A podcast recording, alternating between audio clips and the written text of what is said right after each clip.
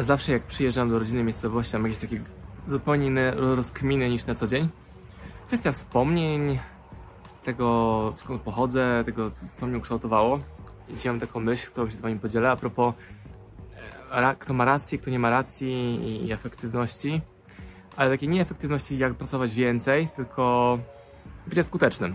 Wiele razy powtarzałem, że uwielbiam biznes za to, że jest zero-jedynkowy. Znaczy, albo masz pieniądze, albo nie masz pieniędzy. Tak samo sprzedaż, albo sprzedałeś i masz pieniądze od klienta, albo nie sprzedałeś, nie ma nic pomiędzy. Dlatego właśnie nie jestem fanem świata marketingu, czyli tych sytuacji, gdzie ktoś mówi o zasięgach, lajkach. Tak samo nie jestem fanem firm, które mówią na pierwszym zdaniu otwarcie o firmie no zatrudniamy tam 50 osób, 100, 300 albo stworzyliśmy w tym roku nowe 50 miejsc pracy. No to jak to słyszę, to tak jestem trochę zdziwiony, że ktoś pokazuje to jako wartość główną, bo każdy dorosły, ale każdy dorosły wie, że miarą skuteczności w biznesie jest zysk. Niektórzy mają problem z tym słowem, że zysk, tylko zysk, tylko zysk, ale firmy tworzy się dla zysku. A zysk generuje się po to, aby realizować swoje pomysły, pasje, wieść godne życie. I czemu ten wątek akurat tutaj zaczynam? Widzę mnóstwo ludzi, którzy mówią, że ich sposób jest lepszy na prowadzenie biznesu, marketingu i tak. I moja myśl jest taka, że nie ma czegoś takiego jak lepszy czy gorszy sposób na marketing, sprzedaż, budowanie firmy, zatrudnianie i tak. A bo jedynym kryterium jest to, czy masz kasę na koncie. Nie, nie obroty, nie przychody, ale dochód. No i ktoś powie, no tak, ale całą firmę, całą kasę inwestuję w firmę.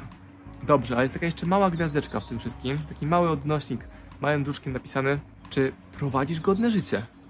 Ty jako właściciel biznesu, który prowadzisz go przez rok, 2, 3, 5, nawet 15, znam ludzi, którzy mają firmy 5-6 lat, duże firmy, kilkadziesiąt osób zatrudniają, ogromne obroty, ogromne koszty.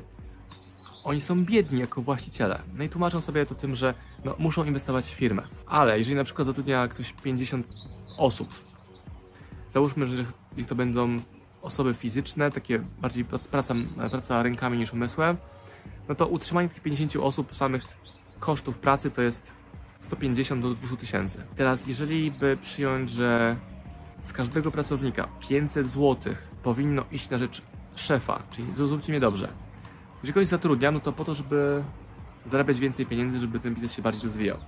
Jeżeli mam 50 pracowników, którzy kosztują mi prawie 200, to 50 razy 500 zł to jest 25 tysięcy złotych i to w mojej ocenie powinno być wynagrodzenie tej osoby minimalne, minimalne wynagrodzenie tej osoby, które jest jego prywatnym wynagrodzeniem, nie ma nic wspólnego z zyskiem firmowym. Jest to jego prywatny, prywatny majątek.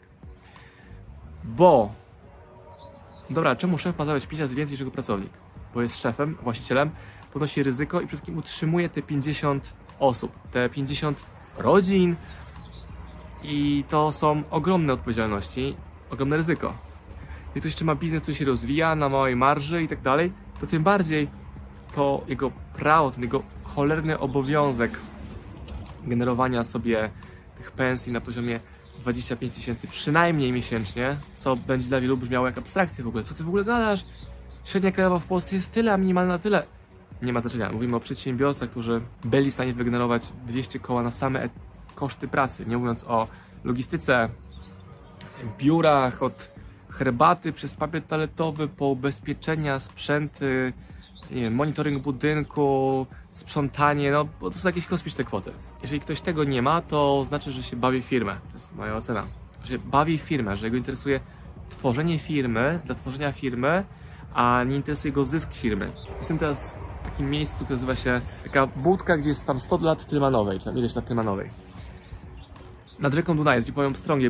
Strong powiedział, no, no, no nie, no ja nie mogę jeść pokarmu, ja muszę tylko pływać jak nie będziesz miał tego pokarmu w postaci swojego bufora prywatnego, to żyjesz na tak dużej krawędzi, na krawędzi zysk, bankructwo, zysk, bankructwo cały czas, że to jest niezdrowe dla wszystkich. teraz załóżmy, że ktoś ten biznes prowadzi i te 25 tysięcy miesięcznie ma, znaczy, że buduje sobie majątek przez rok, dwa, trzy, jest w stanie nie wiem, kupić dom, mieszkanie, wybudować dom, whatever, zapewnić, cicho, zapewnić godne życie swojej rodzinie. A jak tego nie ma, nie wyjdzie w biznesie, a jak tego nie ma i coś mu nie wyjdzie w biznesie, to traci biznes, traci swój majątek, po prostu jego nie ma i nie jest w stanie na poziomie higienicznym przetrwać tego trudnego okresu, bo nie ma hajsów na swoje prywatne rzeczy. Więc jak można ratować czyjś biznes,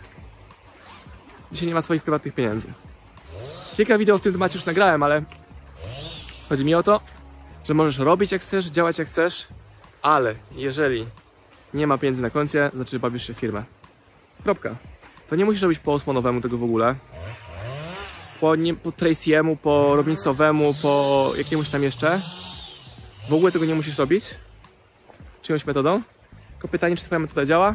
A w przypadku biznesu bardzo łatwo to sprawdzić, weryfikując stan konta firmowego, a ciebie jako właściciela stan konta prywatnego. Amen. Tyle w temacie. Możesz mieć rację, a możesz mieć rację i pieniądze. I bardzo często widzę, że te dwie rzeczy są zupełnie oddzielne. Ja miałem rację, miałem rację. Dobra, spoko. Światopoglądowo może tak. Ale czy ma to odzwierciedlenie w kasie na koncie oraz w lifestyle'u, który prowadzisz, czyli na przykład czy masz pieniądze i czas, żeby z tych pieniędzy korzystać, choćby w postaci tego, że spędzasz go z rodziną w ilościach, które Cię interesują.